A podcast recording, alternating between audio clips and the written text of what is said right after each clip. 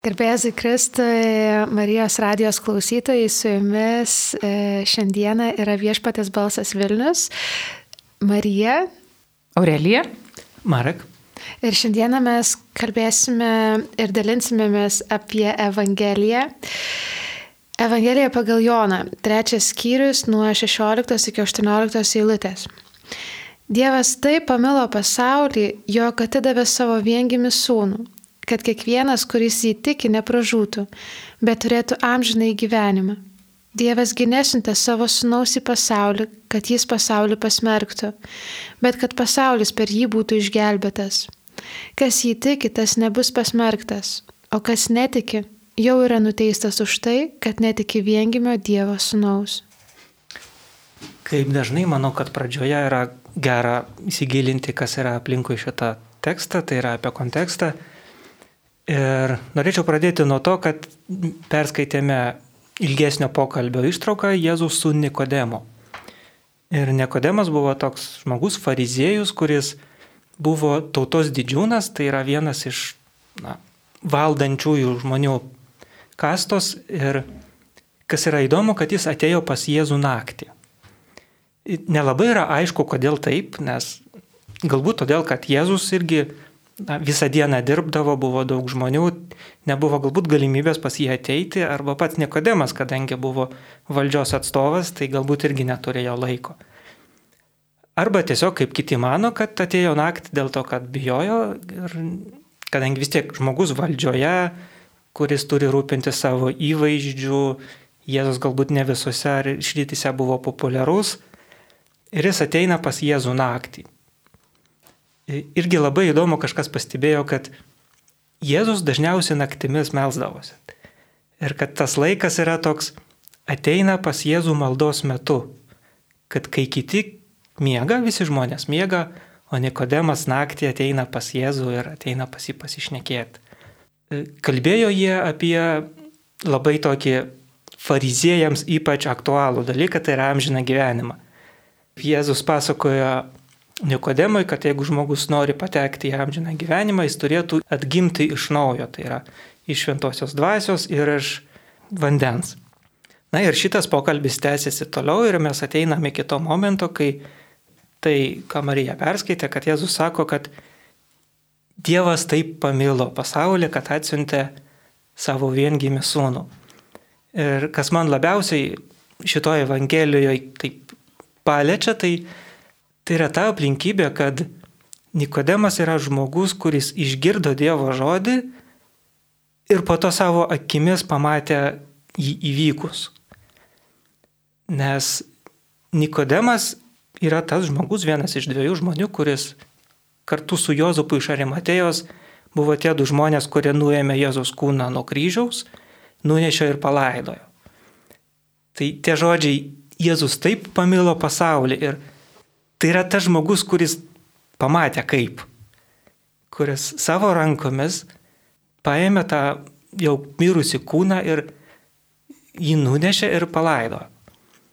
Šitoj vietoj dar aš kartais beskaitydamas taip pats iš savęs jokaudavau, įdomu, kaip pasijūsdavo Nikodemas išgirdęs, kad Jėzaus prisikėlė ir kad kūno nerado. Čia irgi toks, irgi galbūt su humoru įnešti, bet Nu ką turėjus pagalvoti, na, taigi kaip dingo? Tai pats nuėmiau, nunešiau, palaidojau, užridinau akmenį. Tai kaip nėra, ką jūs čia šnekat?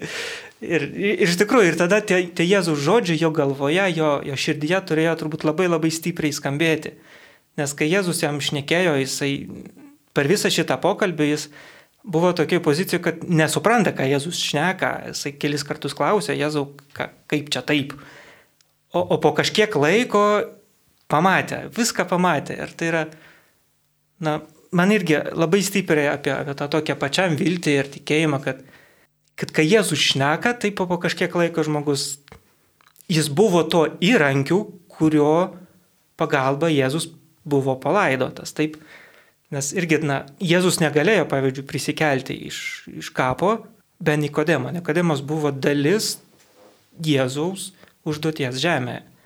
Nes be Nikodemo Jėzus galėtų būti prisikėlęs, nežinau, nuo kryžiaus, bet ne nuo kapo. pats tas Nikodemas ne tik tai išgirdo tokią labai didelį stiprų pamokslą, bet atrado savęje kaip įrankis šitam dalykui įvykti. Man irgi labai, e, e, nežinau, kaip tau, man taip jaučiasi, kad tau patinka tas Nikodemas, man jis labai simpatiškas irgi kaip personažas, kaip žmogus Biblijoje. Ir va tie fariziejai dažniausiai taip neigiamai vaizduojami, ten Jėzų persekė, jo skundė, galų gale įskundė ir reikalavo jo mirties nukryžiavimo. O Nikodemas kitoks, jis toks malsus, jis ateina va nakčia, mes nežinom tikrai, gal jisai slepiasi. E, bet jis vis tiek domisi ir klausinėja, taip kaip mažas vaikas Jėzų. Ir man irgi patinka, kaip Jėzus jam aiškina va tuos dalykus, kuri, kurių Nikodemas dar negali suprasti, bet kaip tu sakai, jis bus liudininkas. Ir jisai pasakoja, kad e, žmogus turi atgimti iš dvasios. Tai dar, dar šventoji dvasia nėra nužengusi. Jo, Nikodemas matys ir tą mirtį, ir, ir nežinom, prisikelimą turbūt irgi apie jį bent jau išgirs. Mes nežinom, ar jis buvo aukštutiniam kambarį su visais apaštalais, va čia tik ką praėjo sėkminės, kur mes tą prisimenam, šventosios dvasios išleimą. Ir, ir man irgi taip gerai, jisai kaip vaikas klausosi, bet tai kaip čia tas gali būti atgimti iš dvasios, kaip čia tas yra atgimti, tai kaip aš vėl iš naujo turiu į mamos ten tą, reiškia, iščias papult. Ir kad tas toks dvasinis gyvenimas toks yra dar nepažintas Ir kas mane nustebino, kad fariziejai va ir Jėzus sako, bet tai kaipgi tu Izraelio mokytojas, kaip tu nesupranti? Kad fariziejai, mokytojai, bažnyčios uh, žmonės, raštų žmonės, jie dažnai neturėjo ryšio su dvasiniu gyvenimu. Jie skaitė, raidė, ten darė ir tos ritualus, Bet dvasinio gyvenimo, vat, kas yra dvasioje pažinti Dievą, dvasioje kalbėti su tėvu, ką darė Jėzus visą savo gyvenimą ir ko mokė, kad vat, melstis ant kalno, kalbėti su tėvu, su Dievu kaip su tėvu, kad tas jam buvo visiškai nesuvokiama ir tada aš kažkaip galiu geriau suprasti fariziejus, jeigu jie dvasioje neturėjo nu jokio ryšio su Dievu, tai jiem nu, buvo nesuprantamas Jėzus, jie tikrai negali, tiesiog kūnų tu negali suprasti, ką Jėzus daro ir ką jisai kalba. Ir aš čia suradau mm, tokia ištrauka Biblijoje, e, kur, kur daug, daug kur, vat, kažkaip aš maščiau, beskaitydama apie tą kūno ir dvasio santyki, kad vat, ir fariziejai, ir mes dažnai, mes gyvenam kūno tokį gyvenimą, sielos gyvenimą savo ten emocijose, kažkokiose mintise, pamastymuose. Bet tik dvasioje mes galim iš tikrųjų sutikti, pažinti Dievą, girdėti jį, pamatyti ir suprasti visą šitą nupaslapti. Va Jėzus ir mirties, ir prisikelimo, ir išpirkimo, ir kur jisai sako mūsų skaitinį, kad aš atėjau, kad visi turėtų tą amžinąjį gyvenimą, kiekvienas, kuris tiki. O kas mumise amžina? Dvasia mumise amžina. Tai tas amžinas gyvenimas yra dvasios gyvenimas. Kiek mes gyvenam dvasinį gyvenimą čia žemėje, tiek mes jau čia žemėje tą amžiną gyvenimą ragaujam. Tai vat, man kažkaip čia irgi buvo toks stiprus tas paliūdimas, kad mes turim į tą dvasę kreipdėmėsi, kaip mes, kad mes dvasia maitinasi maldoje, dvasia maitinasi ramybėj, tyloj, kai mes būnam su Dievu, kai nurim, nurimsta mūsų visos jūslės, emocijos, mintis. Ir tada ta dvasia gali iškilt ir girdėti Dievą, kažkaip su, jo klausytis ir, ir gyventi tą amžiną dievišką gyvenimą. Ir va čia, na, kaip Paulius sako laiškė korintiečiams. E, o mes gavome ne pasaulio dvasę, jau čia posėkminių, jau čia Paulius nebe Nikodemas, bet iš Dievo einančią dvasę, kad pažintume Dievo mums suteiktas dovanas. Deja, jūslinis arba sielinis žmogus neprima to, kas ateina iš Dievo dvasios. Jis tai laiko kvailystę ir nepajėgia suprasti, kad apie tokius dalykus reikia spręsti dvasiškai. Dvasinis žmogus gali spręsti apie viską, bet niekas negali spręsti apie jį. Tai va jau čia po sėkminių jau aiškinamom, kaip, kaip ta dvasia iš tiesų visiškai nu, kitaip kalba, negu kad jūslinis va, žmogus toks kaip mes dažniausiai būnam, su savo nuomonė, su savo emocijom, su savo požiūriu Negalim spręsti apie tos dieviškus dalykus, kol mes neįeinam į tą pokalbį su tėvu savo dvasioj. Taip, tai man kažkaip e, šitoje Evangelijoje labai suskamba tas amžinasis gyvenimas, kad Dievas siuntė savo mylimą sūnų, kad mes turėtume amžiną gyvenimą. Ir jo žvilgsnis, Dievo žvilgsnis krypsta į tą amžinybės perspektyvą. Jam yra svarbus mūsų gyvenimas čia žemėje, kol mes esam, kol čia gyvenam. Jam yra svarbi kiekviena detalė. Bet tas platesnis matymas Dievui taip pat labai, labai svarbus tos amžinybės perspektyvos, kad mes, kad aš, kad tu turėtum amžiną gyvenimą. Kiekvienas iš mūsų mes esame amžini ir Kartais mes galbūt tą užmirštame ir galvojam apie dangų kaip apie kokį, kažkokią gražią vietą, kažkoks tai sodas, bet, nu, va, mirsim, eisim pas dievulį ir bus viskas labai gerai, būsim ten ant debesų ir viskas bus super. Bet uh, Dievas labai konkrečiai užakcentuoja, kad tai yra, nu, Jėzus atėjo tam, Tai yra Jėzaus misija, viena iš tų misijų, kurią jisai nu, padarė čia ateidamas. Jis atpirko mus, jis nuplovė mūsų nuodėmės ir jis atvėrė mums dangų, kad mes galėtume turėti tą amžinybę su juo. Ir mane tai taip žavi. Ir aš suprantu, kad aš kaip krikščionė, aš kartais per mažai galvoju netgi apie tai, apie tą, apie tą dangų, apie tą vietą, kur Jėzus, pats Jėzus išėjo mum paruošti. Dievas turi danguje kiekvienam paruošęs vietą. Ir, ir niekas netims jos, niekas. Ir tai, ką irgi kalbėjo Aurelija apie tą gyvenimą dvasioje, apie, apie tą dvasios gyvenimą. Tai, tai mane taip pat kviečia, tarsi žadina, kad aš matyčiau daugiau negu šitas pasaulis siūlo, daugiau negu tik materialius dalykus, daugiau negu tik tuos jūslinius, tokius apčiuopiamus dalykus, kad nesikrauti tų turtų tik tai žemėje, kad, nu, tarsi, kad tik užtikrinti žemėje kokybišką gyvenimą, kad tarsi viską nukrauti savo čia, bet turėti tą irgi perspektyvą, kad aš gyvenu čia žemėje, bet mano žvilgsnis yra platesnis. Aš sėkiu dangaus, aš noriu gyvenimo su Kristumi amžino, aš noriu, aš noriu tų dangiškų turtų labiau negu šių žemiškų. Ir e, iš tikrųjų pasidalinsiu tokia patirtimi, kurią turėjau netaip seniai, prieš e, du mėnesius maždaug mirė mano draugo tėtis. Ir kadangi aš šiaip esu šlovintoja ir gėdu, e, tai manęs paprašė, kad aš gėdočiau tiesiog laidotuvėse tenais.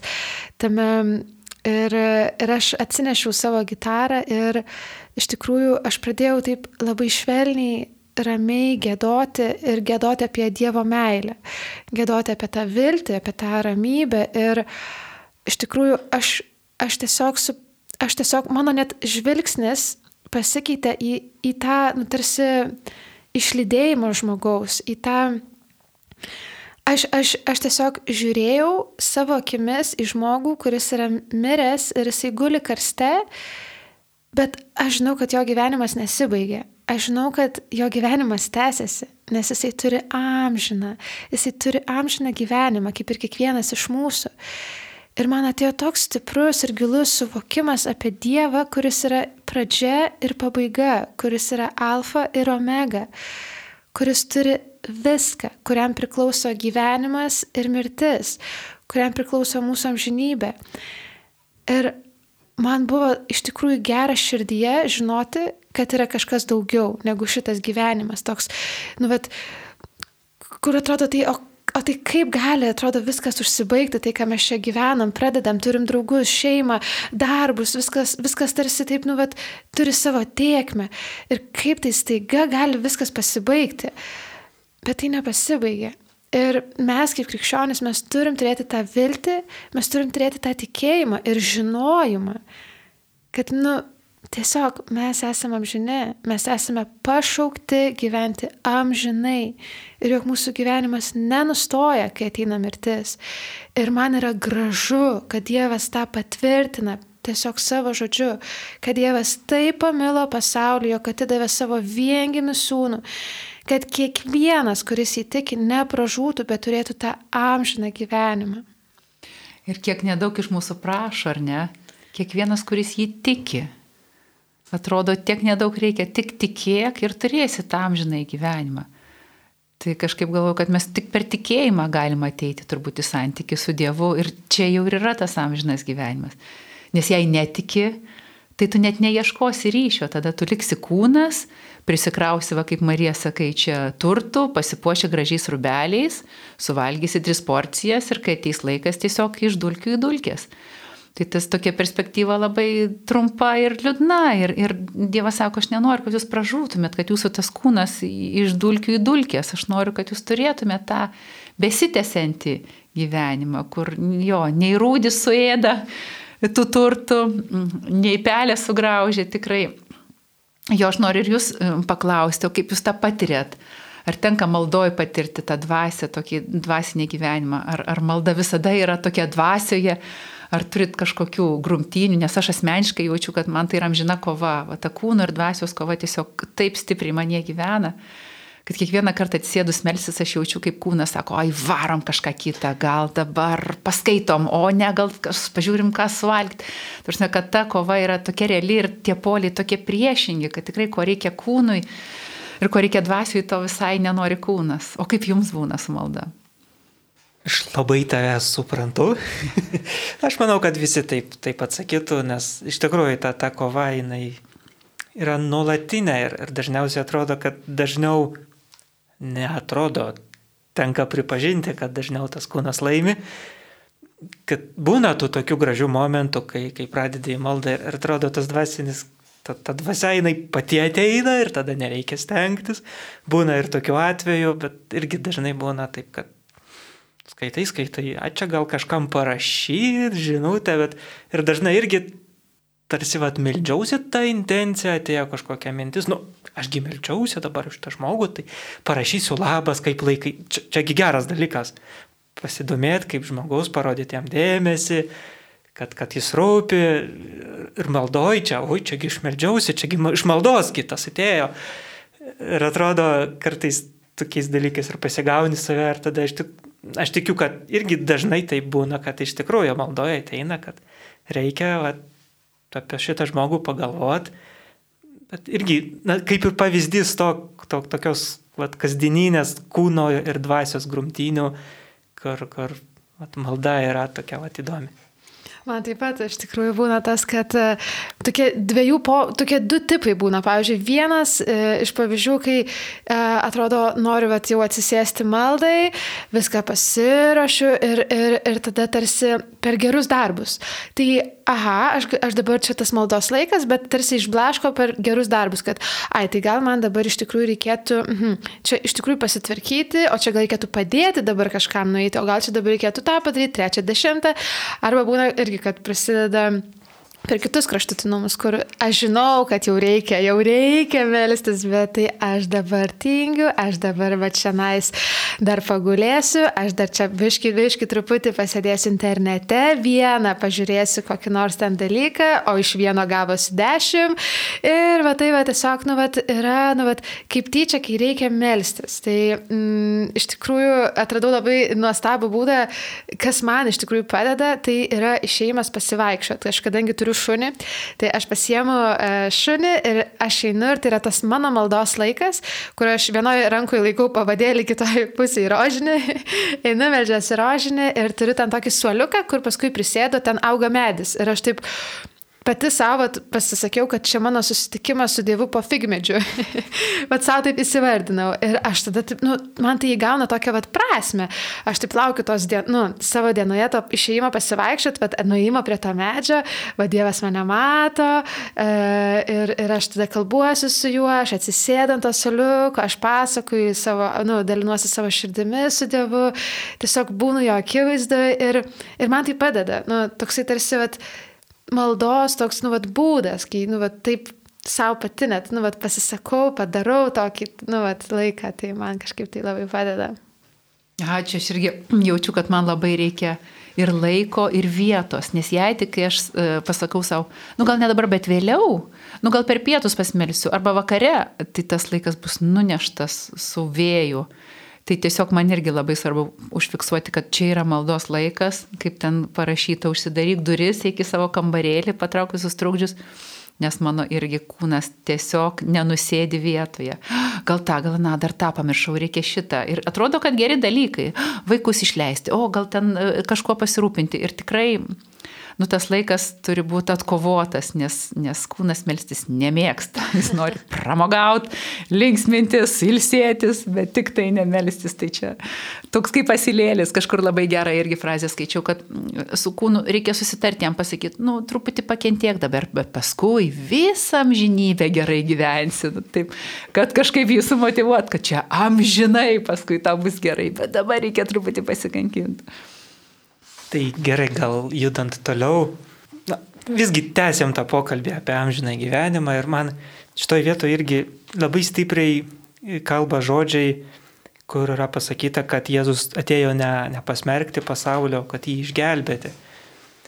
Galbūt taip, galbūt man reikia padaryti išvadas, nes mes kai dalinomės prieš radiją, apie ką aš nekėsim, tai apie šitą eilutę kiekvienas pasakė, ką, ką, ką turi pasakyti.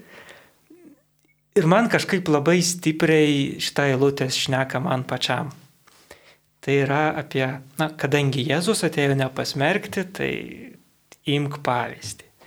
Ir vėlgi, Nikodemas, man labai per visą šitą evangeliją, man irgi žmogus Nikodemas yra kaip pavyzdys ir kaip Nikodemo situaciją žvelgti į ją ir, ir daryti išvadas. Tai aš pradžioje, kaip ir jau ir, ir sakiau, kad Nikodemas tai yra Na visų pirma, fariziejus. Fariziejus tai yra blogo žmogaus sinonimas, šnekant Evangelijos terminais, e, bet čia žmogus ateina ir yra kaip šneka su Jėzus, šneka draugiškai. Tai jau ir iš karto, kaip ir matom, kad na, netiesa. Kitas dalykas, e, kaip ir sakiau, kad nelabai aišku, kodėl naktį. Galbūt jis iš tikrųjų norėjo labai kokybiško laiko, nenorėjo trukdyti, norėjo, kai nieko nebus, At ateisiu pas Jėzų, susikaupsiu, pašnekėsim, bus gerai.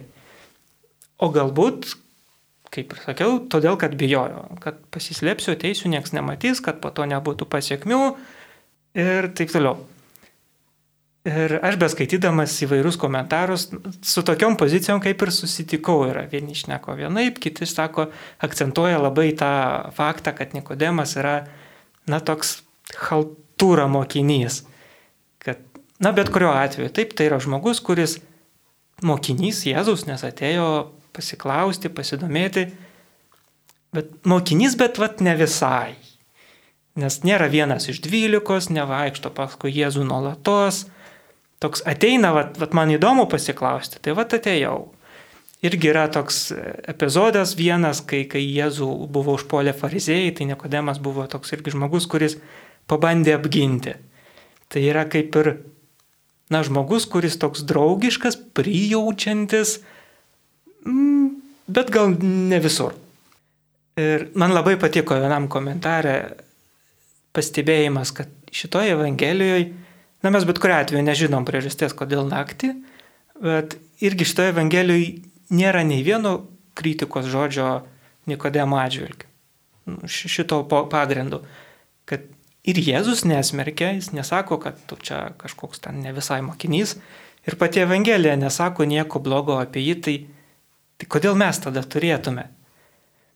Ir kai mes skaitome apie tą Nikodemą, kodėl aš irgi laikausi, Aurelija jau pastebėjo, kad man Nikodemas patinka, tai aš irgi laikausi tos pozicijos, kad šitas žmogus šiaip yra iš kur pas jį pavyzdį paimti. Ir labai pats stipriausias man argumentas apie tai, kad Jėzaus istorija buvo momentas, kai visi mokiniai pabėgo. Nebuvo ne vieno. Buvo te tobulėjai dvyliktukas, kurie visą laiką sekė paskui Jėzų, kurie buvo, va ta šakmo, kur tu ten aš, atėjo laikas, ne vieno iš jų nėra. Visi pabėgo. Ir kai visi pabėgo, tada haltūro mokinys atėjo ir padarė tai, ką turėjo padaryti paštulai. Tai yra nuėmė Jėzų nuo kryžiaus ir palaidojo man šitą aplinkybę visą labai stipriai išneka, kad jeigu matai savyje norą kažką pakritikuoti, tai... Nes mes dažnai su to susituriam, kad kai matom žmogų, kuris, vat, kai jam įdomu, tai ateina, o kad reikia dirbti, tai, ai, tada ne. Ir tada mėgstam tokį žmogų, nu, nurašyti, ant jo supykti, kad kaip čia taip mes visi dirbam, mesgi visi turim, čiagi o va, tu nedarai. Nu, gerai, tada prisiminkim Nikodemą, va, va, kai tu pats va, pabėgsi, va, tada ateis Nikodemas ir padarys tai, ką tu turėjai. Tai man apie, apie tai tas Nikodemas, vat, aš iš jo ne pirmą kartą šitą pastebiu ir vat, man Nikodemas įsimerė labiausiai vat, iš šito. Aš, e, jeigu man kalbant apie šitą e, vietą, kur Dievas gynėsintė savo snaus į pasaulį, kad, jį, kad jis pasaulį pasmerktų, bet kad pasaulis per jį būtų išgelbėtas, gal labiausiai kalba apie tai, kad e, neretai mes e, būname, jog pradedam kaltinti Dievą dėl kažko. E, kad, e, nežinau, Dievas e, tenais, kodėl jisai leido, kad tai vyktų, kodėl Dievas vat, pasiemi iš manęs kažką, kodėl jis atėmė, arba kodėl jisai nesustabdė, kodėl jisai, nu, vat, aš meldžiausi, o jisai neišklausė, o kodėl tas, o kodėl tas, o tai čia Dievas, va taip norėjo. Ir tokia kaltinimų jūra, tokia banga, tokie kirčiai būna nukreipti į Dievą, kad jisai, vat, nu, vat, kažką jisai padarė. Bet Dievo žodis aiškiai sako, kad Dievas atėjo į pasaulį, kad pasaulis, nu, kad Dievas atėjo, siuntė savo sūnų, kad pasaulis būtų per jį išgelbėtas, kad jisai nesiuntė savo snaus, kad jį pasmerktų, kad Dievas nėra tas, kuris mus pasmerkė, kuris yra tokio, nu, vat, pozicijų blogo, blogo kažko nešėjas. Nes irgi yra parašyta, kad kiekviena gera dovana ateina iš Dievo rankų. Ir kai mums kažkas atsitinka gyvenime, mes dažnai atsigrėžiame Dievą ir aha, čia tu tą padarėjai man, tai tu mane įskaudinai, tai tu man atnešiai šitus visus blogus dalykus, tai tu leidai. Ir, vat, ir mes tai pradedam, nu, tarsi kaltint. Ir, bet Dievo valia mums ir mūsų gyvenimams nėra ta. Ir neseniai išgirdau tokį labai gražų palyginimą, kad Dievo valia nebuvo žmonėms, kad jie vaikščiotų 40 metų ir eitų į tą pažadėtąją žemę, kad jie klaidžiotų po tą nu, vietą. Dievo valia buvo, kad jie įeitų į tą pažadėtą žemę visi ir nueitų iš taško A į tašką B. Bet žmonės per savo murmėjimą, per tuos kaltinimus Dievui, jie ėjo 40 metų klaidžiodami. Ir galbūt mes kiekvienas esame savo gyvenimuose pastrigę tam tikrose vietose, nes galbūt mes murmam, galbūt mes e, tikimės kažko tarsi ir, ir, ir reikalaujam, bet, e, bet Dievo valia visuomet mums yra teisinga, gera, mylinti, nešanti ramybę, nešanti šventosios dvasios vaisius ir Dievas nori mums gyvenimo apščiai. Ir nežinau, gal toks net pakvietimas ir paraginimas būtų tose vietose, kur yra mums sunku, kur man yra sunku asmeniškai, kur atrodo jau tikrai niekas nepasikeis. Dieve, tu turėjai šimtą kartų jau galėjai pakeisti tą situaciją ir dabar, ir dabar, ir dabar aš nežinau, aš daugiau ne, neprašysiu, aš į tave nebeatsigręšiu, Dieve, aš viskas užsidarau šitoje vietoje, aš, aš daugiau nebenoriu tavęs įsileisti, nes nebetikiu, kad tu gali kažką pakeisti, nebepasitikiu Dieve. E, Tai šitoje vietoje tarsi, nu, nu, nebemurmėt, nebe, nebe, nebekaltinti Dievo, bet tiesiog leisti jam būti Dievu, leisti jam ateiti į širdį, priimti Dievą kaip Dievą, kuris yra meilės Dievas, Dievą, kuris yra gerumo nešėjas Dievas kuris rūpinasi savo vaikais ir kuris iš tikrųjų nori gėrio savo vaikams. Jisai nori, kad tau viskas būtų gerai, kad tu turėtum gyvenimą apščiai. Tai yra jo valia mums. Aš irgi noriu pratesti, mes čia mm, pasmerkimo tą temą iš visų kampų e, galim pažiūrėti. Tai va aš dar tokį trečią kampą matau, visiškai e, jo labai suprantu, ką sako ir Marekas, ir, ir Marija, kad yra tie, kad mes kartais murmam ant Dievo pykstam, kad kartais murmam ant kitų žmonių ir juos smerkiam, lik būtumėm Dievas, bet Dievas nesmerkia. Ir aš čia visai neseniai sutikau tokią pažįstamą moterį. Jis nėra tikinti, Ir sako, aš tai negaliu įti bažnyčią, nes vat, mano vyras eina, o žinotum, koks jisai ir ko jis ten eina, į tą bažnyčią geriau nuodėmių nedaryti, o dabar eina ir tas nuodėmės daro. Ir kažkaip e, aš sakau, bet tai bažnyčia yra gydikla, yra ligoninė, ten žmonės eina ne dėl to, kad jie šventi ar nedaro nuodėmių, dėl to, kad Dievas laukia, kad jis juos išgelbėtų. Ir jinai taip nustebo, sako, aš pirmą kartą išgirdau. Ir jinai vengia bažnyčios, nes jinai jaučiasi, kad jinai ten ne, nevertai, tai va tarsi aš, aš, aš ir neinu. Jeigu aš jau nusidedu, tai aš bent jau neinu į tą bažnyčią ir neapsimetu. Ir aš vat irgi supratau, kad yra dar ir toks požiūris, kad žmonės vengia Dievo ir bažnyčios, nes galvoja, kad jie bus pasmerkti kad jie yra blogi, kad Dievas juos atstums, nepriims, kažkaip nubaus, išbars. Ir va kaip tu Marija ir sakai, Dievas yra mylintis, geras. Ir šitam skaitinimės ir skaitom. Jis atėjo į pasaulį ne kad pasaulį pasmerktų, bet kad išgelbėtų, kad mus išgydytų, kad mūsų ta žaizdas, nuodėmės atleistų, priimtų mus, išpraustų, nuvalytų, atkurtų, atnaujintų ir vestų į va tą dvasios gyvenimą, amžiną gyvenimą, pilnatvės gyvenimą. Kartais mes, būna, kartais mes būname, pametam tą džiaugsmą kažkur beidami, nes iš tikrųjų krikščionės mes turėtume būti tie džiaugsmo, džiaugsmo vaikai, džiaugsmo nešėjai. Ir, ir aš irgi esu vat, susidūrus, irgi su viena moteris buvo atėjus kažkaip ir, ir nu, pokalbis buvo toks, kad jinai nesuprato, negali suprasti, kaip bažnyčioje galima džiaugtis, nes tai yra tarsi tokia kančios vieta, susikaupimo ir rimties vieta, kur tarsi negalim nei šipsotis ir vat, at, nu, vat, tai yra tik kančios tokia, vat, nu, visiškai. Bet tai yra ir šviesos vieta, tai yra ir prisikelimo vieta, tai yra gyvenimo, tai yra šventimo vieta, tai yra to džiaugsmo vieta, tai kažkaip irgi nepamesti to džiaugsmo, tikėjime, savo tikėjime, galim netgi irgi išstebėti, ar savo dienoje aš esu laimingas, ar aš patiriu tą džiaugsmą, ar, ar, ar aš tiesiog, ar mano širdyje yra džiaugsmas. Nes Dievas sakė, jog Jisai atėjo tiesiog, kad mums dovanotų džiaugsmą ir mes turėtume tą džiaugsmą apščiai.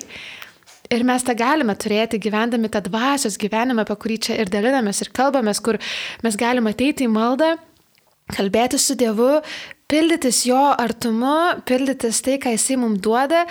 Ir, ir, ir tas širdį, širdyse, ir tas džiaugsmas gimsta, jisai, jisai gimsta ir jisai auga, niekas nevyksta per vieną dieną, bet tas, tas džiaugsmas tiesiog jisai va taip kapsi mums, kiekvieną dieną į mūsų širdis ir, ir, ir tiesiog mes galime džiaugtis tą kasdienybę, matyti tą, tą, tiesiog dalykus iš kitos pusės, kur atrodo anksčiau galėjom tik tai pesimistiškai matyti, paskui realistiškai, o paskui jau gal netgi šiek tiek optimistiškai, kad, ai, tai pala, tai mes iš tikrųjų su Dievu esame, mes galim ir bet kokią tą situaciją, kad ir kokie jinai sunkiai yra, ir, ir kad ir visos durys būtų uždarytos ir net langų nėra, iš tikrųjų su Dievu mesgi galim tai veikti. Taip, tai, tai turėti tą džiaugsmą, tą tikėjimo džiaugsmą. E, jo, dar, dar grįžtant prie to pasmerkimo ir nepasmerkimo, prie to Dievo žvilgsnio, esu girdėjus tokį labai jokingą gal palyginimą, e, kaip Dievas mūsų laukia kaip kūdikių Mes atbėgam kažką prisidirbę, jis nuima sauskelnę, uždeda švarį ir sako, vėl bėgiok, kai prisidirbsi, vėl pareik. Kad Dievas visai neturi tos merkiančio žvilgsnio, jis žino, kad mes vis tiek prisidirbsim. Ta prasme, ir tai yra tiesiog mūsų žmogiškas silpnumas. Jo, ir va, kaip tu Marija sakai, išlaikyti tą džiaugsmą, kad mes busim priimti, prisidirbę. Ir kelnes, ir šiaip gyvenime mes busim priimti, sutikti, nuvalyti, padrasinti. Ir, ir Dievas vėl sakys, eikit, džiaukitės, aš visko pasirūpinau, neškit man savo vargus, aš visko pasirūpinau pasirūpinsiu.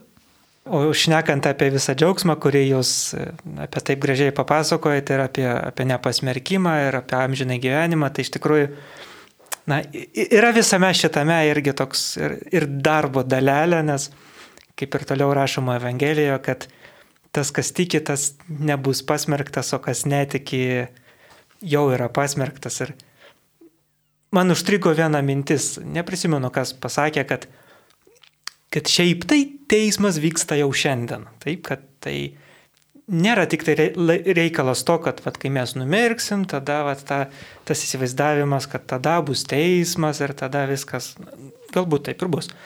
Bet iš tikrųjų, kad yra svarbu jau dabar, jau dabar reikia imtis, imtis veiksmų ir aš norėčiau šitoje vietoje irgi dar perskaityti dar dvi vėlutės, kurių mes neskaitėm šitoje Evangelijoje Tai yra 14 ir 15, nes aš, man, nu, ten slypi, aš manau, tokia viena labai svarbi detalė. Tai va, nuo 14 eilutės tas pats skyrius yra parašyta taip. Kaip Mozė dykumoje iškėlė žaltį, taip turi būti iškeltas ir žmogaus sunus, kad kiekvienas, kuris jį tiki, turėtų amžinai gyvenimą. Ir kasgi yra tas žaltis, kurį iškėlė Mozė, tai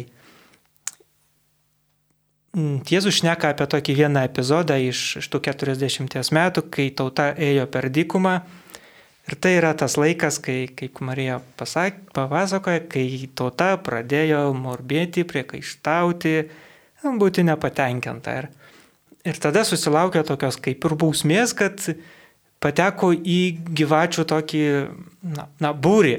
Ir kad tos gyvatės buvo mirtinus, nuodingos ir kai įkasdavo, tai buvo žmonių, kurie ir mirė. Ir tada tauta pradėjo melstis, tai Dieve, tai nu, gelbėk, nes nu, mirštam.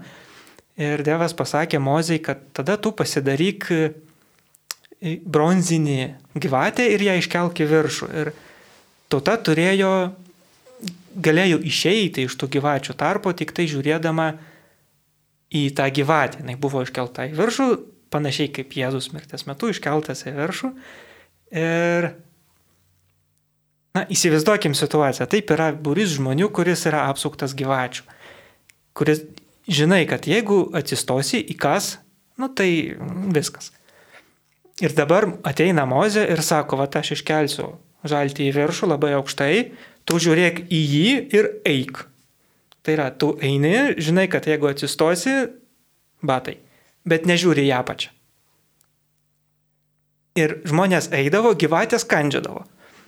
Ir irgi vėlgi įsivaizduot, vat, eini atsistoji į kando gyvatę, nenuleidė akių žemyn, nes parašyta, tie, kurie visą laiką išstovėjo, iš visą laiką žiūrėjo į gyvatę, tą iškeltą, į tą bronzinę, tai išgyveno. Labai toks sunkus ir, ir sudėtingas vaizdinys man irgi atrodytų, nes, na tai irgi šneka apie tokias situacijas, kai mes patankame į gyvačių, tarsi gyvačių lauką. Ir tai yra irgi apie tą tikėjimą, kad žiūrėti į, į viršų iškeltą Jėzų, nepaisant nieko. Ir kad tai yra irgi ta dalis, aš nežinau, ar aš noriu vartoti žodį sąlyga, kad būti išgelbėtų ir patekti. Bet kažkas tame yra, kad vis tiek tas žiūrėjimas į Jėzų visą laiką, net jeigu į koją įkando gyvatę, yra tas, tas, tas, apie tą tikėjimą irgi Jėzus šneka, kad irgi fariziejų, taip mes prisiminkim, kad Jėzus šneka su fariziejų, su tautos mokytoju, su žmogum, kuris turi labai įsistabarėjusius įsitikinimus, kuriam reikia pačiam irgi iš naujo atgimti. Ir jam, jam pasako, kad vat taip, Aš irgi kažkaip labai girdžiu, kad tu sakai, Marekai, ir mane tai liečia, nes čia visai neseniai bendruomenė kalbėjo Dievas, tikrai per susitikimą mes gavom žodį iš Dievo ir jisai sakė, aš turiu jums pažadus, bet jūs turit padaryti savo dalį. Ir kažkaip aš nu, palikau su to klausimu, kokia ta mūsų dalis, kurią mes turim padaryti.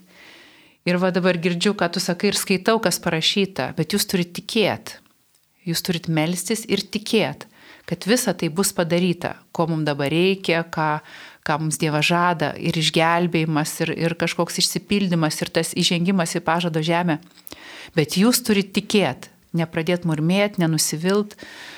Tai va tikrai tą, kaip tu sakai, žiūrėti Jėzų ir nenustoti tikėti, kad viskas, ką jis yra paruošęs, visi pažadai išsipildys geriausiu būdu.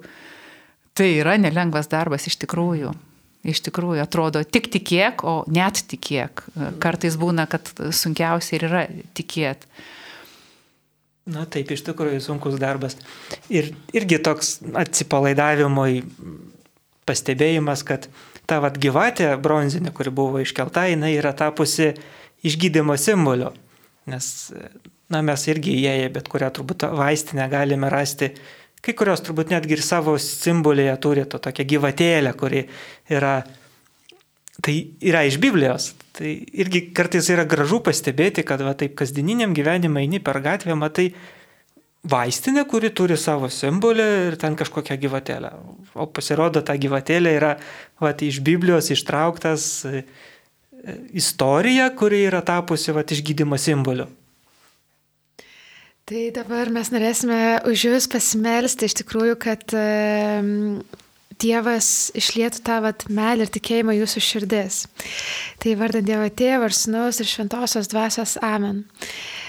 Viešpatie, aš meldžiu, kad Tu dabar aplankytum kiekvieną, kuris klausosi ir kad Tu išlietum tą tą meilę jų širdis, kad kiekvienas galėtų patirti, kad tu esi tas Dievas, kuris siuntė savo sūnų dėl mūsų, kad mes būtume sveiki, kad mes turėtume amžiną gyvenimą, kad mes, kad mes galėtume būti laimingi. Meldžiu, kad tu lietum tą gyvą tikėjimą į mūsų širdis, kad galėtume turėti asmeninį santykį su tavimi, kad galėtume kalbėti su tavimi, nešti savo sunkumus, visus rūpešius tau, kad galėtume kiekvieną kartą, kai suklumpame, bėgti pas tave, nes žinome, jog tu net mesi, bet kad tu visuomet, visuomet pakelsi, nes tu esi mylintis tėvas. Meldžiu Dievę, siūs savo šventąją dvasę į mūsų širdis, į mūsų gyvenimus, į mūsų kasdienybę, kad galėtume nuolatos, nuolatos žvelgti į tave su pasitikėjimu. Visą tą meldžiame Jėzus Kristaus vardu. Amen. Vardant Dievo Tėvas, Sūnaus ir Šventosios Dvasios. Amen. Su jumis buvo viešpatės balsa Vilnius bendruomenė Marija. Aurelija. Marek.